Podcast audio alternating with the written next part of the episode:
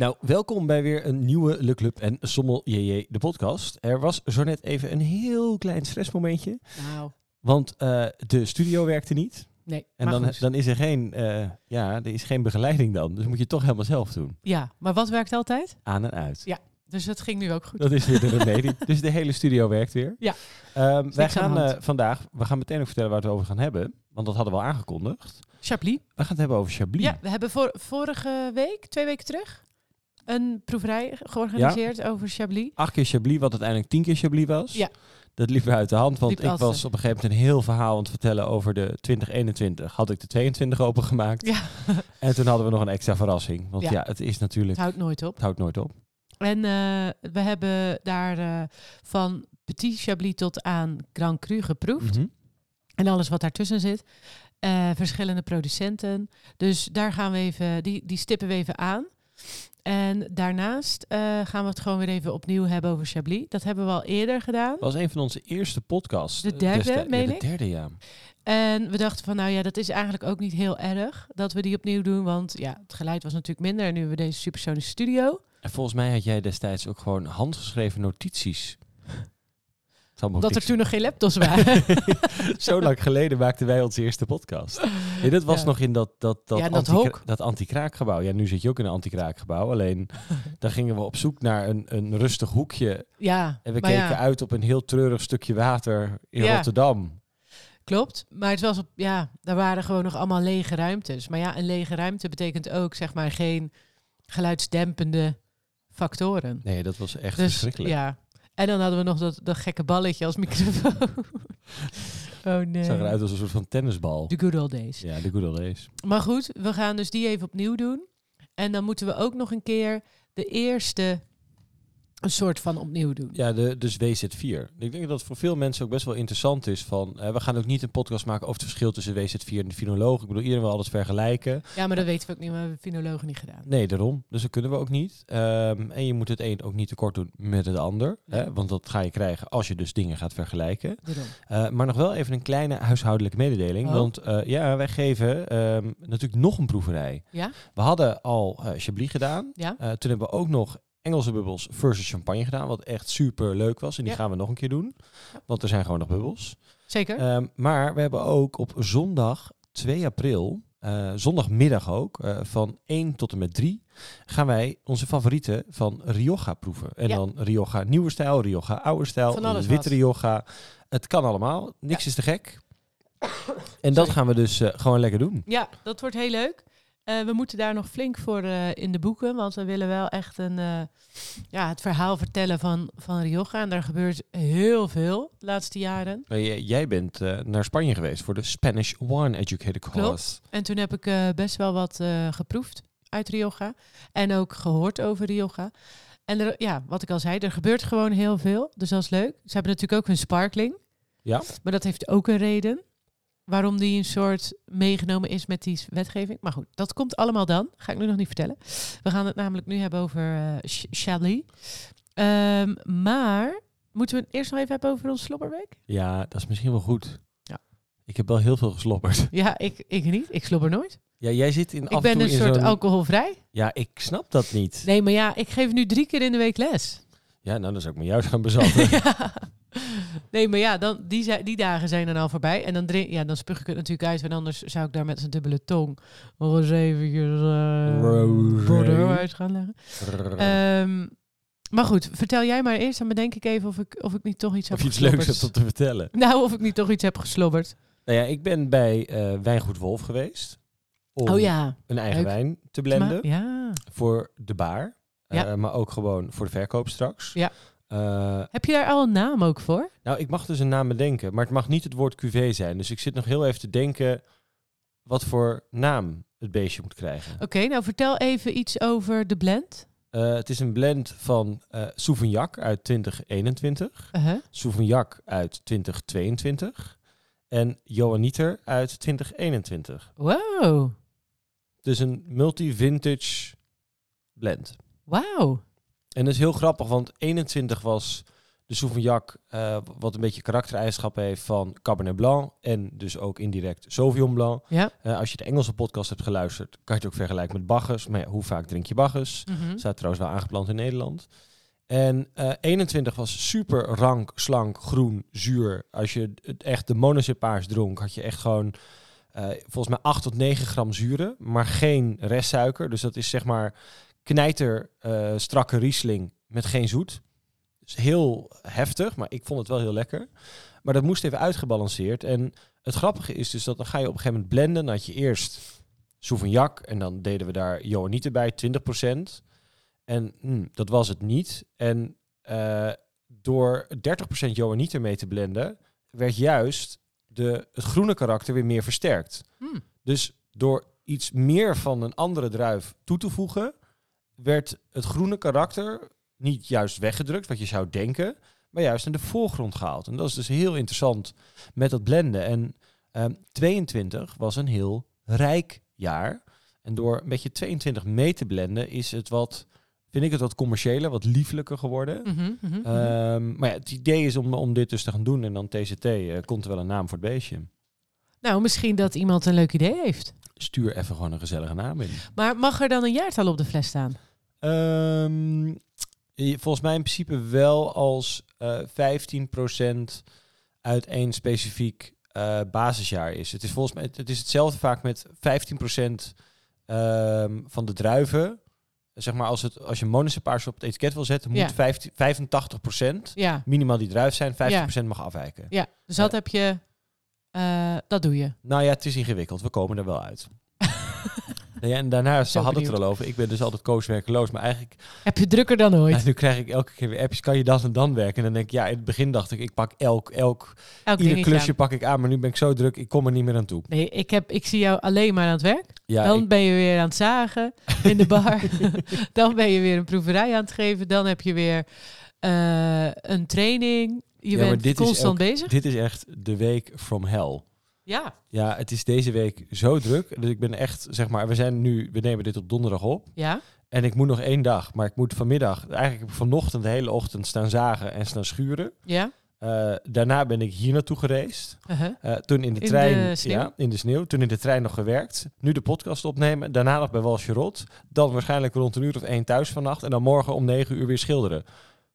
En dan wanneer ga je naar Bourgogne? Nou ja, ik ga dus naar Bourgogne. Dat is leuk. ja, ik ga maar wanneer is het vertrek? Eh, zaterdagochtend half zeven. Oh ja. Ah ja, maar goed dan. Nou ja, daar heb je ook geen rust, want het programma heb ik gezien en dat is behoorlijk intensief. Ja, we gaan dus naar de Bourgogne. En heel vaak, of we, ik mag mee naar de Bourgogne. Ja. En, ik moet weer lesgeven. Zij moet weer lesgeven. Anders, ze mocht wel mee. We hadden het wel uitgenodigd. Ja, heel, heel Ja. aardig. En, eh, maar dat is wel heel leuk, want heel vaak vragen mensen ook, en ik heb ook met heel vaak mensen discussie, en jij zal waarschijnlijk ook vaak die, vraag, eh, die vraag krijgen, Ja. Oh, we gaan van het zomer naar de Bourgogne, heb je nog tips? Mm. Ik zeg altijd, ga vooral niet. ja, Het is echt een, een mooie regio, Boon, hele leuke stad, Ja. veel leuke restaurants, maar weet je, het idyllische, romantische beeld van, och, we bezoeken even een wijndomein en we gaan eh, gezellig een proeverij doen. Er zijn wel domeinen die het doen, ja, maar die wil je misschien bijna niet. Maar het is, het, ze zijn niet echt ingespeeld op. eh, Ze echt- hoeven het niet te doen, want Nee, ze ze- verkopen toch wel. Daarom. Dus ja, dat is wel ten lastige. Er zijn een paar tips, of er zijn wel een paar, ja, waar je te- de Chateau Meursault bijvoorbeeld, dat is zo'n best groot, groot Claude, Claude Veugeot. ja, maar daar kan je niet proeven. Nee, daar kan je Volgens alleen mij. die tour maken. Ja, nou ja, In Pommaar zit iets waar je wel langs kan. Daar ben ik toen ook geweest. Dat is wel gewoon open, maar dat was zeg maar vijf minuten voor de lunch. En eigenlijk waren ze al dicht, want ja, het was vijf minuten voor de ja, lunch. ze moesten door. Nee, ja, het is, het is eh, wat dat betreft niet zo eh, makkelijk als bijvoorbeeld eh Moezel of Elzas of zo. Nee, Waar je gewoon Daar eigenlijk bij- springen. Ja, Brand de Elzas. maar het is wel heel leuk en het is ook wel echt prachtig als je daar langs die, langs bijvoorbeeld Claude Veugeot en je ziet al die wijngaarden liggen. Er is ook zo'n appje toch met al die namen die je dan erbij kan houden. Mhm. En dan zie je dus al die namen van al die wijngaarden. Dat is wel, het is wel leuk en het wordt wel in één keer duidelijk. moet je me even doorsturen. De, ja, Nee, dus we gaan daarna ook een, eh, een podcast over Bourgogne doen. En ik ga zelf waarschijnlijk eh, een Bourgogne wit en een Bourgogne ja, rood jij zegt steeds, ik ga dat zelf doen. Snap ik, want het is natuurlijk hartstikke duur. Dus al- als, als we dan weer allemaal moeten delen, dan, wordt het, dan, dan gaat het niet goed. Maar ik ben er natuurlijk wel gewoon bij als, als proever. Zeker, Ja, uiteraard. Dank je. Oké. Ehm, heb jij al bedacht hoe jouw slobberweek was? ehm, Of gaan we jouw slobberweek door midden zagen, net als mijn leven? Jij drinkt zo weinig. ik heb hem. Champagne Davo, Chavot. Ja? Eh, en welke had ik dan? Volgens mij had ik de Blanc d'Assemblage. Erg leuke champagne. Die hebben we daar nog eventjes, ja, wat was het? Vrijdagmiddag eh, opengetrokken. Je moet En- toch door. Die heb ik gekregen van Champagne Source eh, van Thijs. Oh. En die importeert eh, zelf eh, kleinere huizen. En dit ligt ten zuiden van Epernay. En het heeft ook hele leuke etiketten. Vond ik ook wel gezellig. Oh ja, nee, ik ken dit. Oh, dit is heel leuk. Maar het is een heel klein boertje. Eh, staat de productie erbij? Net geen 9000 flessen. Dat is dus Maar best wel, een nee, best wel een vineuze, rijke stijl. Eh, maar wel eh bruut natuur volgens mij. Hmm. Leuk. Echt een leuke champagne. Oké, dan eh, denk ik dat we nu Naar de tune gaan. naar de tune gaan.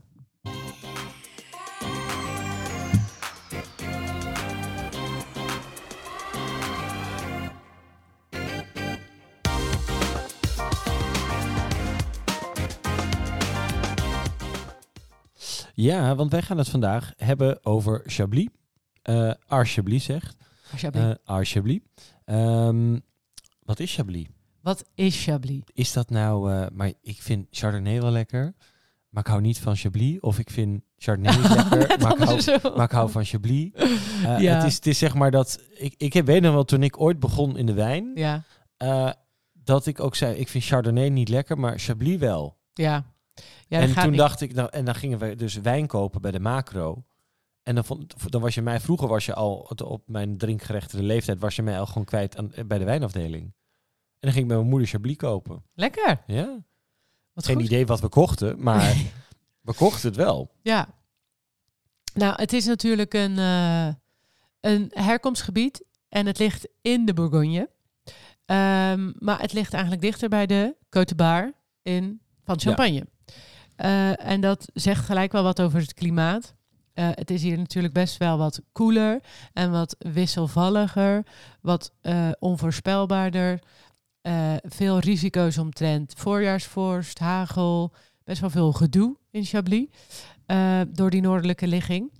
Maar goed, ze weten toch altijd wel, of bijna altijd, mooie wijnen te maken. En dat doen ze met één druivenras en dat is dus Chardonnay. Chardonnay. En ga jij volgende week op jouw tripje naar de Bourgogne Er- ook nog langs Chablis? Er staat nog een kleine mogelijkheid dat wij ehm, op de terugweg misschien nog langs Piouze rijden. Wat een droom. Dat zou wel heel tof zijn. Ik ben ook benieuwd of dat, een, of dat nou echt een aardige man is. Ja, of dat het een gevalletje agravare is. Nou ja, als, de, als een van zijn beste klanten komt, dan is het wel te hopen dat hij een beetje zich gaat ja, gedragen. dat, dat zegt niet altijd wat hoor. Nee, dat, dat, bleek ook wel bij Agra Paar. Maar goed, toch leuk. De, wijnen, de wijnen zijn natuurlijk geweldig. Ik heb ook ergens gelezen dat ehm, lokaal Ch- Chardonnay Beaunois wordt genoemd. Ja, heeft weer een andere naam. Ja, maar ik vraag me wel af of dat echt of dat nog steeds wordt gebruikt. En er staat van de kan je oudsher misschien even een, onderzoeken. eh, een heel klein beetje Pinot Blanc, nog her en der. Maar dat Oh is echt, echt Maar is in, eh in Meursault ook. ja, dus eh, verdeeld over de Bourgogne kom je dat nog wel eens tegen. Mag ook gebruikt worden. Ehm, maar je hebt ook nog iets, want eh, mensen vroegen ons ook tijdens de Chablis-proeverij van, oh ja, nou, waar moeten we dan naartoe? En eh, is Chablis leuk om te bezoeken? Geloof het niet. Ook ik ben niet. er een keer geweest. Nou, Ik ben daar in de je zomer depressief. geweest en het was toen stralende zon, maar er was geen fuck te beleven. Nee. En dat is, dat is wel heel vaak zo. En de Bourgogne is ook, vind ik, heel leuk om rond te rijden, om te toeren, om te fietsen. Nou ja, een ook- boon is dan wel leuk. ja, dat is heel... En Dijon, Maar verder, ik vond Chablis vond ik echt uber saai. ja, ik heb er niet eens goed kunnen aflunchen. Maar ja, het was wel lekker weer en toch wel veel mooie dingen kunnen kopen. Ja. Ehm, alleen is Chablis wel het meest noordelijk gedeelte van de Bourgogne. Ja, jij zei die tonnerre. Je hebt Bourgogne Tonnerre En wat heel vaak mensen ook nog vergeten is Irancy. Ja. Dat is Waar ligt dat van, boven Chablis? Volgens mij wel, als je er, eh, als ik het helemaal goed heb. Ik heb even het kaartje er ook bij gepakt. Oh, dat is goed. eh, om dit natuurlijk wel eh, zeker te weten. Maar uit mijn hoofd ligt Irancy is eigenlijk de appellatie waar dan... oh nee, sorry, het ligt iets zuidelijker. Hè? Dus Ja. daarom heb ik het kaartje erbij. Maar wel zeg maar het meest noordelijk gebied voor Pinot Noir Ja. in de Bourgogne. Dat is zeker. En er zijn dus best wel wat producenten die eh, nou, bekend staan als Chablis-producent. En dus ook wat Pinot Noir hebben. En dat wordt dus gebotteld onder Irancy. Ja. Dus Dovisa heeft volgens mij ook een Irancy. Ik heb het gekscherend wel als rode Chablis genoemd. Maar het is, ik heb het wel een paar keer gedronken. Ik, Ik vind ook. Het, het is, ik vond het hoor. echt lekker. En ook Ja. daar lokaal. En wij reden dan terug via Tonnerre vaak uit de Bourgogne. Eh, via Chablis dan Tonnerre. Want Tonnerre was net iets meer te doen. Maar ook wel... eh, Pius heeft ook de Bourgogne Tonnerre. Ja, Ja. maar waar, waar ligt Tonnerre dan ook weer? Tonnerre is eh, net ietsje noordelijker eh, dan eh, Chablis. Dus je hebt hier... je hebt eigenlijk Chablis. Ja. En als je dan ja, naar noorden rijdt, dan Kom je daar... oh ja, ik zie het. Nou, leuk.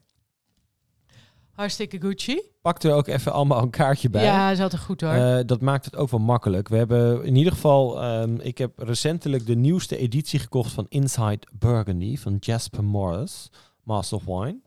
En ja, dat is wel echt een fantastisch naslagwerk.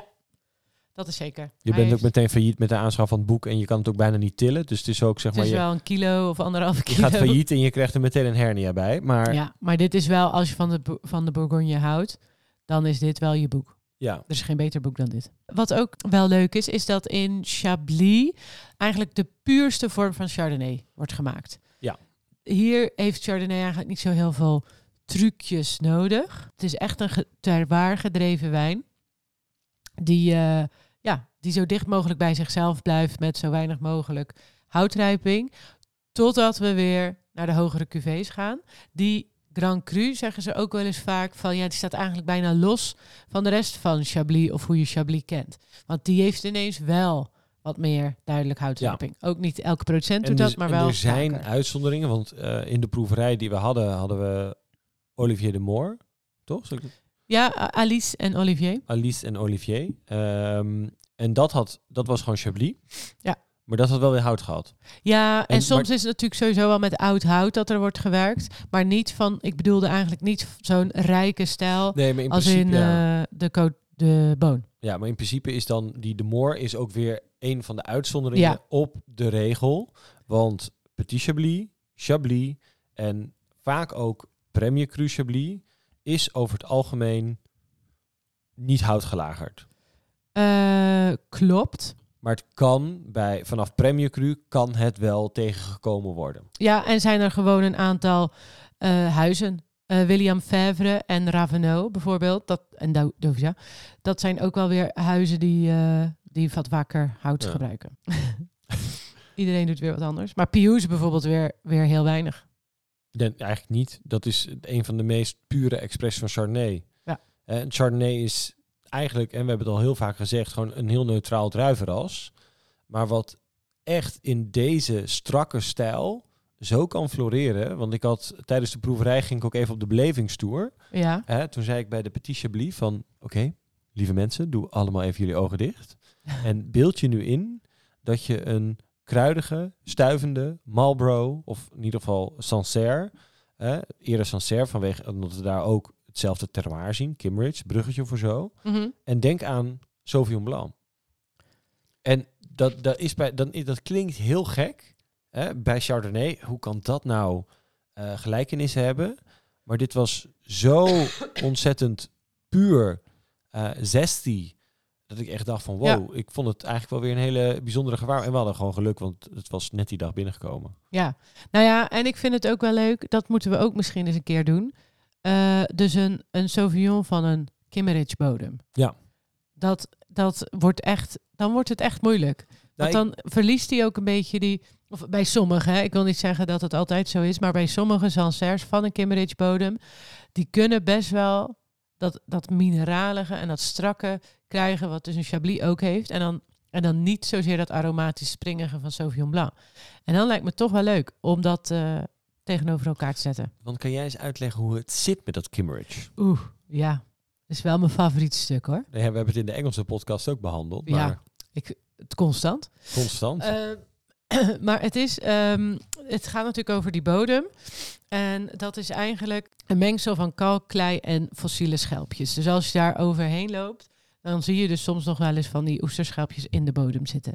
Dat is een overblijfsel uit de tijd dat Noord-Frankrijk nog een zee was. Dus dat lag helemaal onder water, ongeveer vanaf eh, de Vogezen in de Elzas tot aan de kust van Zuid-Engeland. Nou, en op de randen van die zee eh, liet het eigenlijk een dikke laag van die schelpen achter. Eh, en dat is dus wat we nu kennen, Chablis.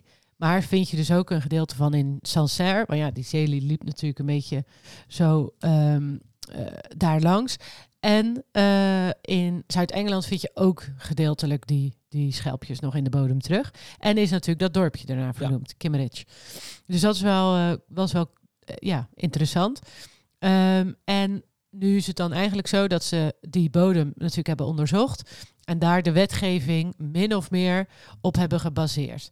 Dus het is natuurlijk niet helemaal set in stone. Want het is niet zo dat je in de onderste categorie, dus Petit Chablis, nooit meer een schelpje zal zien. Want ja, dat weten ze ook niet precies. Maar de meeste Kimmeridge, die is te vinden tegenover het dorpje Chablis. En dat is eigenlijk een kommetje van alle Grand Crus. Ja. En die hebben dus eigenlijk natuurlijk de beste bodem, eh, kunnen we wel zeggen. Eh, dus die Kimmeridge bodem. En de Premier Crus hebben dat ook nog wel een beetje. En dan wordt het steeds eigenlijk minder. En dan zeggen ze, heel generaliserend, dat de Petit Chablis dan meer de Portlandian, dat is dus een ander tijdperk, en wat meer kalk eh, ja, en in heeft. Port Lendian heb je in principe gewoon niet de schelpafzettingen, maar wel die kalkafzettingen Ja. die je ook gewoon niet dat de rest van de Bourgogne ook Port Lendian heeft, maar Port Lendian heeft wel meer overeenkomsten ook met de rest van Bourgogne qua kalk-klei-afzettingen. En dat zit natuurlijk ook nog wel weer in die, in die Grand Cru heuvel. De Kimmeridge ligt daarop. Ja, maar alles zit gewoon in die heuvel. Ja, Het zit allemaal die- in die ene heuvel. die eh Kimmeridge ligt er eigenlijk op. Dus ligt er ook natuurlijk aan hoe hoog, hoe hoog die wijngaard is. En nou ja, wat de diepte is, bla bla bla. En wanneer je dan die kalk raakt.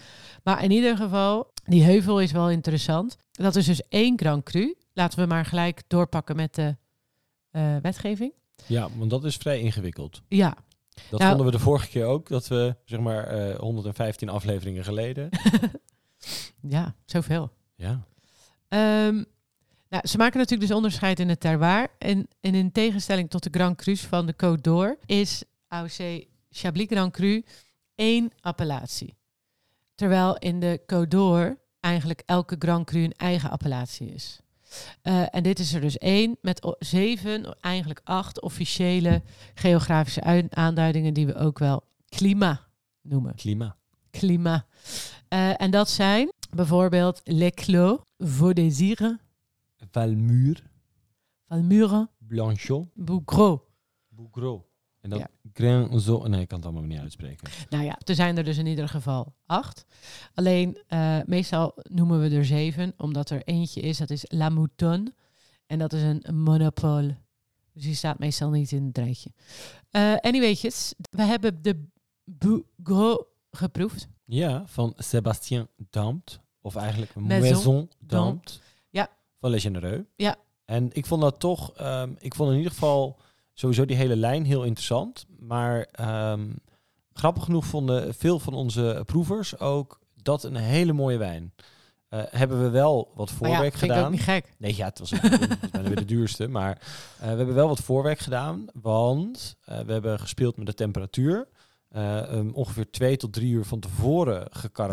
Ja. Eh, en in de karaf langzaam op temperatuur laten komen. Om vervolgens drie uur later te serveren. Eh, dus het was ook wel een klein beetje vals spelen dan in plaats van net openmaken.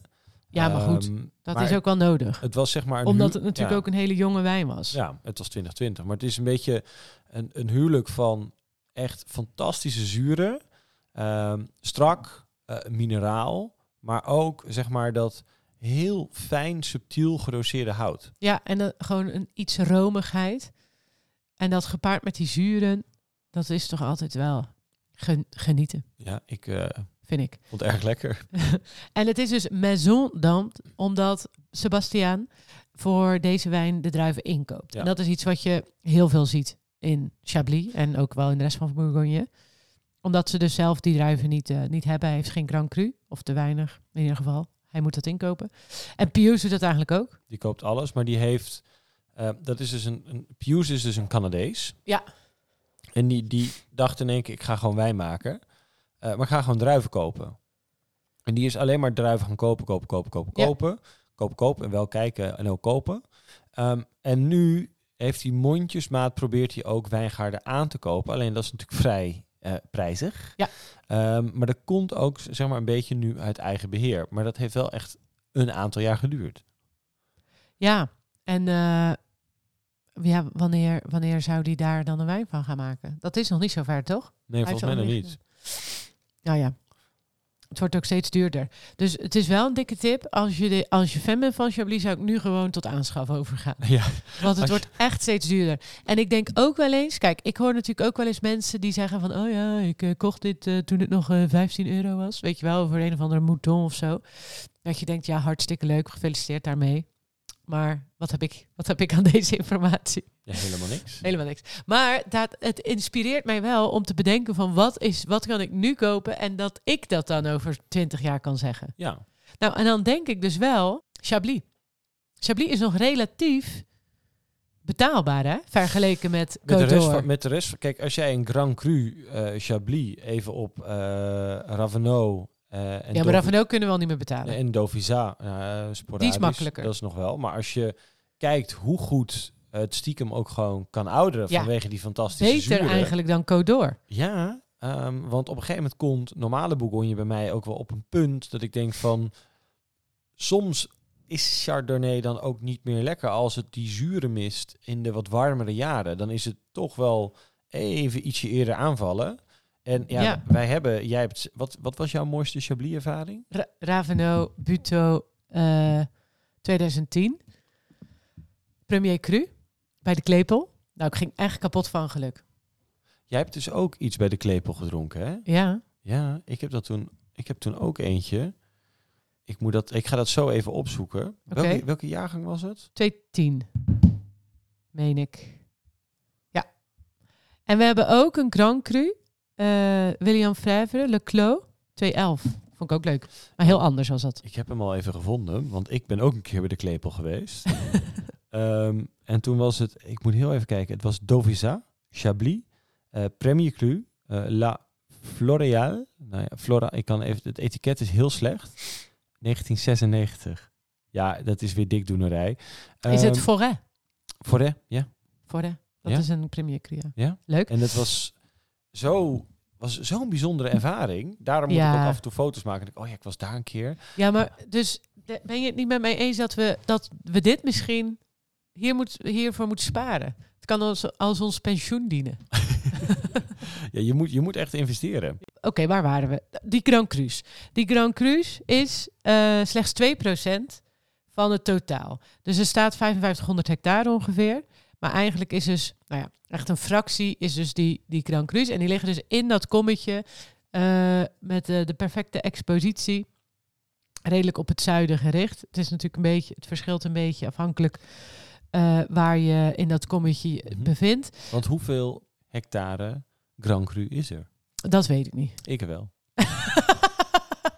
Nee, ik heb het boek voor me, dus dat is Ja. oneerlijk. Nee, Nee, leuk, goed. is wel, ik, had, het, vond Zeg het, het ik, ik ben altijd gek van de cijfers, hè, dat weet je. Ja. Eh, vooral ook omdat ik nooit cijfers op mijn bankrekening heb. Daarom hou ik zo van cijfers. ja, dat dacht ik al. ik heb ja. namelijk geen cijfers. Ja, Nee, eh, nee, Grand Cru is ongeveer 100 cijferboy. hectare. Oké, leuk. Eh, volgens 2000, de, de laatste telling in 2018. Dan Premier Cru 775. Normale AOC Chablis, of AOP tegenwoordig, ehm, zo'n 3600. Petit Chablis 1100. Dat maakt een totaal van pak een beet rond de 55, 5600 hectare. Heel goed. Dat is best veel Chardonnay. Ja, dat klopt. Oké, top. Dan gaan we door naar de Premier Cru, denk ik. Mhm. Dat zijn er meer. Ja, dat zijn er zeker meer. Weet je hoeveel? 19? Eh 17. Oh. Eh, Chablis Premier Cru is onderverdeeld in 40 klima, die weer onderverdeeld zijn in 17 Premier Crus. En dan is het dus eigenlijk zo dat de producent mag kiezen welke hij op het etiket zet. Soms is bijvoorbeeld bij Fourchaume, dat is best een bekende, Ja. dus die zet vaak op het etiket, maar je kan ook een van die klimats die daar binnen liggen op het etiket zetten. En ehm, nou, dat heb je eigenlijk in, eh, in bijna alle eh, dingen. We hadden bijvoorbeeld die Buteau, die ik ook net noemde, Ja. die ik eh, op had van. Eh, maar die maakt bijvoorbeeld Pieuze ook. Maar die ligt dan weer in, als ik het me goed herinner, de Montmain Premier Cru. Maar Montmain, moet ik eerlijk zeggen, heb ik nog nooit gezien. En Buteau vaak. Dus dan is dat denk ik interessanter om dat te doen. En die Forêt, die jij net noemde, die ligt daar ook in. Maar dat is dus weer zo'n stukje binnen die Premier Cru. ja, en dan om het nog ingewikkelder te Oh, maken. nee. En dat Ja? kwam ook door Inside Burgundy. Ja, hij heeft zelfs voor het schrijven van zijn boek ja. heel veel moeite gehad. Dus hij heeft maar de, de, de namen die in de Oh, ja. AOC geschreven worden, Ja, die heeft hij aangehouden. Alleen die klimats en dus die Premier Cru's kan je dan ook weer op verschillende wijzen schrijven. klopt. Wat het, no, wat het eigenlijk gewoon een van Ja. de meest ingewikkelde stukken van Bourgogne maakt. Omdat je kan Bouteau hebben, maar je kan Bouteau ook weer anders schrijven. ja maar of dat Forêt, wat we net zeiden. Dat is, volgens mij doet Dovizat dus La Forêt. Maar het is dan eigenlijk Forêt meervoud. En dus ja, dat is natuurlijk helemaal kut. Ja. Als je daar woont, dan snap je het misschien. Voor iedereen die, die, die geen Frans spreekt, is het toch gewoon gestoord. ja, ik begin weer te huilen. In ja. ja, maar dit is gewoon, ik vind het heel raar. Ja, jammer. Terug naar Mensen. de Premier Cru. Ja. 17 stuks. 17 stuks. En er is ook in de Chablis een left en een right bank. Ja. Ja, want dat heb ik ervoor. Ik wist dat dus niet, maar dat heb ik dus van jou weer geleerd. Ja, en ik heb dat ooit geleerd van een producent. Die ging mij dat toen vertellen. Ja, vond ik heel interessant. Nou ja, en op de eh rechteroever liggen dus de Grand Cru's. Ja. En nou ja, dan kan je dus ook bedenken van, nou, die Fourchaume, die ligt naast de Grand Cru.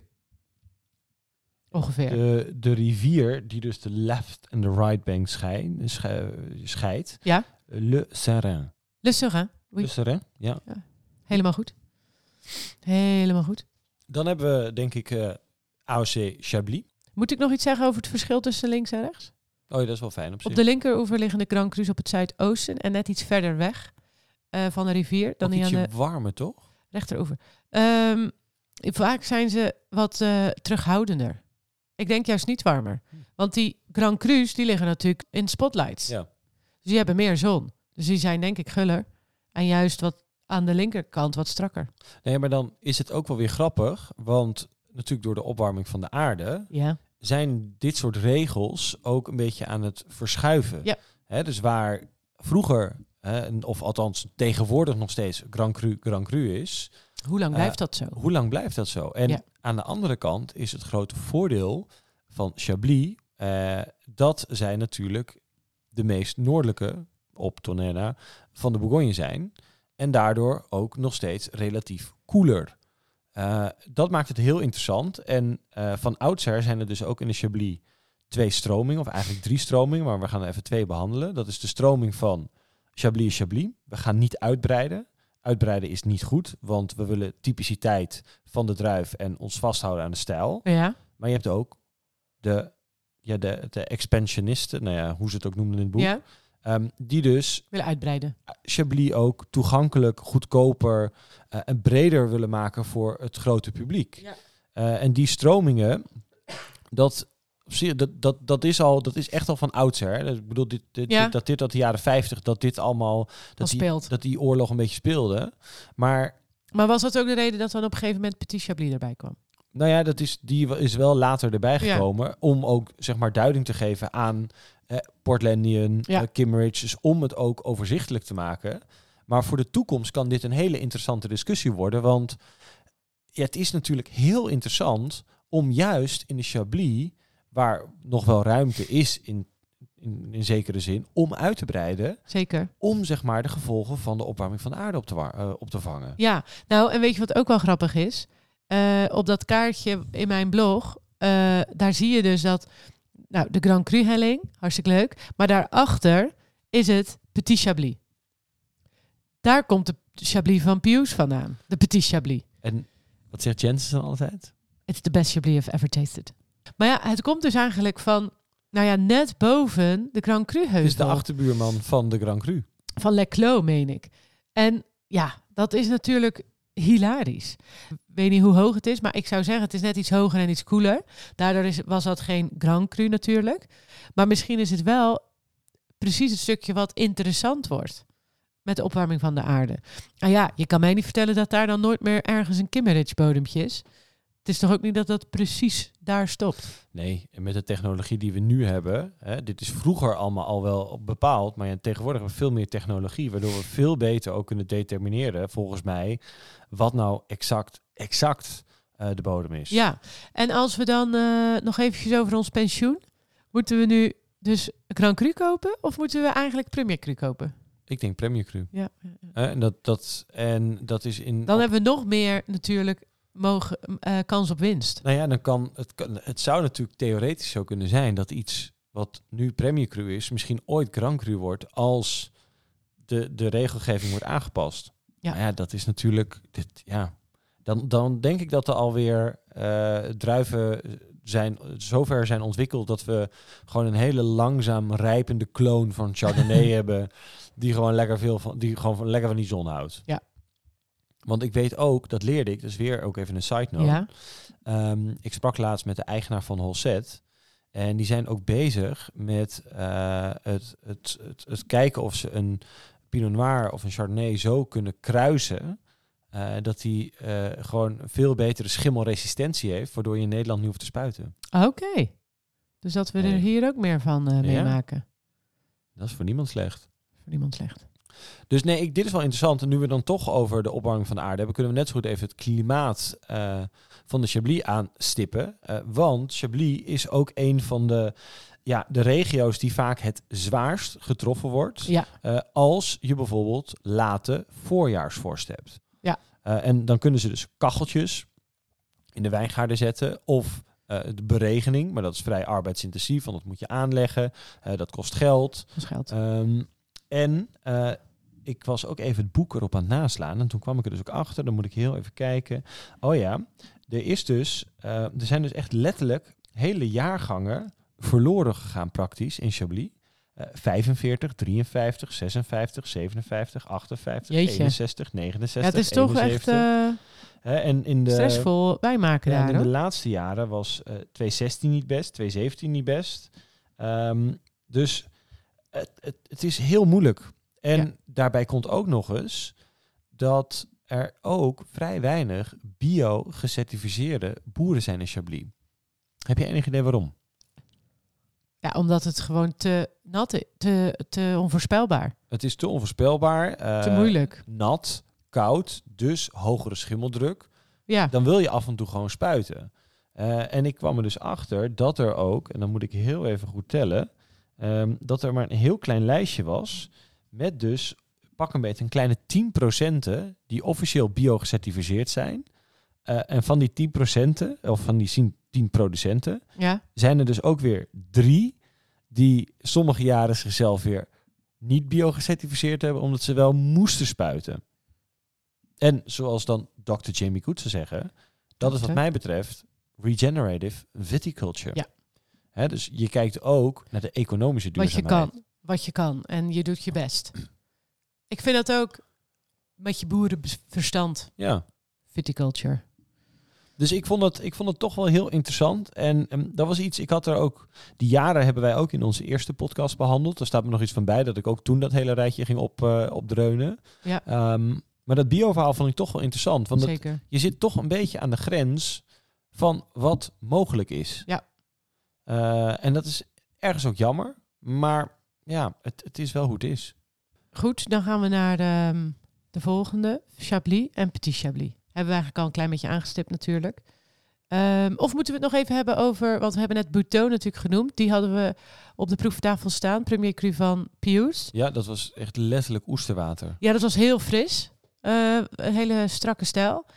Eh, fantastisch. Kan heel goed ouderen ook wel. Maar die hadden we volgens mij tegenover Fourchon van Domaine d'Henri gezet. Ja, en Die wat guller was. En die guller, ook een oud hout. En dat Ja. is ook een wijn. Daar liep iedereen mee, weg. Ja. Ja. Want die hadden we van eh Colaris. gekregen. Ja, dus de, de mensen gingen ook echt meteen bij Colaris bestellen. Het was ook het toeval dat die ook in de aanbieding was. Ja. Dus als hij nu nog in de aanbieding is, het is een goede belegging voor je pensioen. Nou, zeker. En wat wel leuk is, is dat dit eh, de enige was die met een schroefdop was afgesloten. En daar zat ook weer een verhaal Ja. achter. Is de, dit is opgericht eigenlijk door de familie Laroche, die heel bekend was in Chablis. Maar op de duur eh, hun wijngaarden verkocht. En eigenlijk met de beste Premier Cru's, beste setje wijngaarden, zijn ze Domaine d'Henri gestart. Maar toen ze volgens mij nog met, die, met dat andere wijnhuis eh, wijn maakten, hadden ze een keer een slechte partij kurken gekregen. En dat was zo verschrikkelijk dat ze dachten van ja, dat gaan we gewoon nooit meer doen. Dus dat is eigenlijk een overblijfsel van eh, eh, dat vorige huis. Maar hij dacht gewoon van ja, ik doe gewoon alles met schroefdop, want ik wil het niet meer. Ik wil niet meer de kans hebben dat eh, ik slecht keur krijg en ik alles moet weggooien. Want je moet natuurlijk niet alleen je wijn weggooien, maar je gooit eigenlijk ook een soort bijna je reputatie weg. Want mensen die niet snappen wat kurk is, die denken ja, dit vind ik niet zo lekker. Ja. Ik koop het niet meer. En daarbij komt, ja. je gooit niet alleen je reputatie, de flessen, de kurken, de inhoud. Het is, het is zo zonde. Vreselijk. Maar, en het is natuurlijk heel goed mogelijk om Chablis onder een schroefdop te bottelen. Ja? Je ziet het niet heel veel. je ziet maar niet veel, maar dat is denk ik puur traditie en cultuur gedreven. Want het is gewoon een strakke stijl. En wat dus het is juist wel goed. van de kurkenpodcast? De OTR, De OTR is dus heel laag. de, wat was het? Oxygen. Transfer rate. Ja. En door een schroeftop hou je dus ook... Hè, want Hou die wijn fris, Ja, dus vers. Onderzoek had ook uit... eh, of, door onderzoek was ook gebleken dat Ja. bijvoorbeeld eh, jonge Riesling... Frisse Riesling perfect eh, is voor bijvoorbeeld schroeftop. Ja. En dat zou ook kunnen voor hele strakke mineralen stijlen Chablis. Mooi. Ja. Dus ja, ik vond het wel, wel goed om te zien. Oké, dan hebben we nog het laatste stukje Chablis en Petit Chablis. Nou, die, Petit Chablis ligt natuurlijk eigenlijk het verst van het dorp. Maar ja, als je dus goed op het kaartje kijkt, ligt er dus ook wat achter die Grand Cru heuvel. Dus dat is echt wel interessant. Ehm, als je het vergelijkt, dan is die vaak net natuurlijk iets minder krachtig of intens dan die Chablis. Ehm, dus ja, je moet wel even goed kijken welke producent je pakt bij de petits. Maar ja, zoals we net zeiden, eh, one of the best petit Chablis I've ever tasted. Over die Piuze, heeft Jensen's gezegd. En eh, wij waren ook heel erg positief verrast over de Damt. Ja, Ehm, we hebben daar eh, twee jaargangen Ja. naast elkaar van gehad. Omdat ik eh 21 echt fantastisch vond. Ja. En dat was ik helemaal aan het vertellen zonder dat ik al geproefd had. En toen bleek dat ik 22 had ja, geschonken. maar beide jaargangen vond ik goed hoor. Ja, maar ik vond Maar- 21 net even iets Ja. meer gesetteld. Maar ja, dat is ook logisch, want het was een jaartje Ja, ouder. ja. Maar ik, ik, ik, eh, ik was er ook echt positief door verrast. En ik, ik denk dat het ook wel verbeterd is, want ik was er eigenlijk nooit door verrast. Nee, wij waren daar eigenlijk ook... Ik was daar ook nooit... Ik liet het altijd maar links liggen. Ja. Want ja, er was altijd Pius. En ik dacht, ja, dan pak ik wel Pius. Ja. Maar het, ik vond het echt, echt heel erg goed. Ja. Eh, van Petit. En ook heel leuk was vooral om daar de verschillen tussen de Premier Cru's te proeven. Dat vond ik wel cool. De kracht van terroir. Zo is het. Ehm, ja, nou. Dan hebben we nog Petit. En Petit is Portlandië. Nou, dan zijn we klaar. Kunnen Nee, ja, dat heb ik net verteld. Dus het is, het is klaar. We zijn rond. Ja, hebben we alles verteld wat we wouden vertellen over Chablis? Denk het wel. Ja? Ja, en alles staat natuurlijk ook op de club. Dus dat, is, eh, dat kan je nog eens teruglezen. We hebben het boek eh, Inside Burgundy voor ons. Kan je kopen bij Bollemie, denk Mhm. ik, hè, in Nederland. En welk boekje heb je daar nog? Ja, ik heb dat, dat boekje heb ik toen destijds bij het VVV-kantoor in Chablis gekocht. Wat leuk. Ja, was ook het hoogtepunt Nou. van mijn middag. Voor wie dat nog wil. En eh, ik heb zelf eh, ook nog de Sommeliers Atlas to Taste gebruikt. Oh ja, ook voor ook- mijn blog eh, destijds. Ook heel leuk. Die ja, wijden ook nog uit over de verschillen tussen al die Grand Cru's. Of de Ja. belangrijkste. Maar het is, het, ergens is het best ingewikkeld. Maar als je zo diep, zeg maar, Chablis induikt, is het ook er enigszins wel overzichtelijk. Jawel, is- maar ja, dat is het altijd. Ja. Of tenminste, je moet je, je moet je er gewoon in verdiepen. ja, maar ik ben daar dus ook heel benieuwd naar, naar zeg maar die Bourgogne-trip. En Ja, eh, wat ik daar, omdat je nu een keer mag binnenkijken en proeven bij tien domeinen, ook nog naar een veiling. Dus ik ga gewoon alleen maar bieden met geld dat ik niet heb. eh, want we hebben natuurlijk ook een keer een podcast gedaan over Bourgogne. Met diers, met DRC. maar goed. Maar die kunnen we natuurlijk eh, ook weer opnieuw doen. Of Ja. tenminste opnieuw, maar Dan is vragen we of veel... Paul weer met ons DRC wil drinken. Ja, er is natuurlijk heel veel over te vertellen. Nou ja, ik denk dat dit... ehm, maar ik had eigenlijk al bedacht... Kijk, we hebben nu al twee keer eh, het noorden behandeld. Ja. En ik denk dat we gewoon eh, de subregio's van de Bourgogne moeten behandelen. Apart. met- en dan apart. Je moet het opknippen. Ja. Want anders is dit... Kijk, en het, het, ja, dat durf, ik- ja, ik- toen we die DRC kregen... was ik denk ik ook toen nog nooit in de Bourgogne geweest. En- Wat erg. het helpt echt heel erg... Ja, dat wel. als je gewoon met je blote billen eh, in, In, de wijngaard bij staat. Batin Monarchet van Le Fleuve gaat staan. Oh god. Dat helpt gewoon. Ja. Ehm, maar je moet het met je eigen ogen zien. En dan zie je dat het eigenlijk allemaal maar gewoon piep en piep klein is. Ja. Hè, dat eh Sassanje en Pouligny gewoon naast elkaar liggen. eh Meursault ook. En dat er ook gewoon geen fuck in al die dorpen te beleven is. Maar als je dan zo door die glooiende heuvels rijdt eh, Ja, het ben je wel gelukkig hoor. dan is het wel leuk. En ja, het... het, het eh, Ik heb nog wel eens op de camping gestaan in eh Meursault. La Grappe d'Or. De gouden druif. dat was top.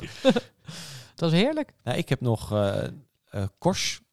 Eh, niet Kors Durie, maar wel Fabienne Kors. Oké. Ehm, had ik op, ook, heb ik ook de kaart gehad bij Meef. Maar ik heb dat dus, dus privé nog in de Bourgogne in de kelder liggen. Oh god. In het huisje in de Bourgogne. We moeten daar een keer naartoe. Ja. Daar ligt zoveel in die kelder. We hebben al twee jaar niet geweest. ja, Alles maar dat is eigenlijk wel goed. Ja. Dat is je pensioen. dat is het pensioen. Maar ja, als we dan weer een week gaan, is het allemaal weer op. ja, maar er ligt bijvoorbeeld ook nog... Ja, dat heb ik niet gekocht, maar eh, de ERA wel. Fijac 2012. Dat Ja. is nu gewoon 300, 400 euro waard. Wow. Dat is niet voor 300, 400 euro gekocht. Nee, kijk, dat zijn dus die parels. Ja. Maar die zuipen we zelf op. Ja. Dus dan hebben we echt heel veel geld nodig hebben. Ja, dan heb je altijd nog een eh, wat achter de hand. Ehm, nee, leuk. Dat moeten we sowieso doen. Daar moeten we naartoe. En ik denk dat we dus, oké, nu een belofte hebben gemaakt. Sowieso nog steeds Barolo deel 2, maar goed. Maar dus ook Bourgogne, al die gebieden. Ook Macon en zo. Ja, ik vind dat heel interessant. En Ja. ook zeg maar, de, ik heb helaas dat de vorige keer gemist, maar toen had het Nederlands Gilde van Sommeliers. Dus eh, luister je in deze podcast, ben je sommelier, ben je er niet meer aangesloten. Ga dan even naar sommeliers.nl, meld je aan, want dan heb je hele toffe proeverijen. Ik heb het ook nog tegen een aantal sommeliers die de cursus doen bij mij Ja. gezegd. Dus ik, dat is Echt echt, leuk. de moeite waard. Maar dus, eh, er was toen ook zeg maar over de nieuwe klassificaties van Pouilly-Fusé. Polyvice. Ja. Eh, en dat is super interessant. Eh, en er komt volgens mij ook weer een masterclass over Sassagne of over Pouligny Morachet. Oké. Ja, daar ben ik wel bij. Ja, Want dat is super leerzaam. En heel leuk. weet je, dit is echt een gebied. Je moet het allemaal leren duiden. Je moet producenten kennen. Het is gewoon niet zo over. Het is vooral heel veel weten. Ja, En eh, ja, dat, dat, dat, dat doen wij gewoon. Weet je, zo zijn wij. zo zijn wij dan weer. Ja. Dus gaan wij afsluiten. Eh, want ik moet gewoon gaan werken. Ehm, maar vergeet niet, eh, in april hebben we dus op die zondagmiddag die Rioja tasting. Ja. Eh, dat is superleuk. En, En, er komt echt nog wel meer aan, ook weer in Rotterdam. ik zie ons ook nog wel een Barolo tasting doen. Ja, nee, zeker. Leuk. Jammer genoeg heb ik al mijn Vietties bijna opgedronken die ik daar heb gekocht. Nou, we gaan hier nog even een mailtje naar de mensen over uitsturen. Ja, en dat wij die, Of Piemont, eh, zeg maar, helemaal. ja, Ja, er zijn nog zoveel ideeën. Nee, dus eh, hou vooral de proefagenda in de gaten. En ehm, ik denk dat we rond zijn. oké. Joe.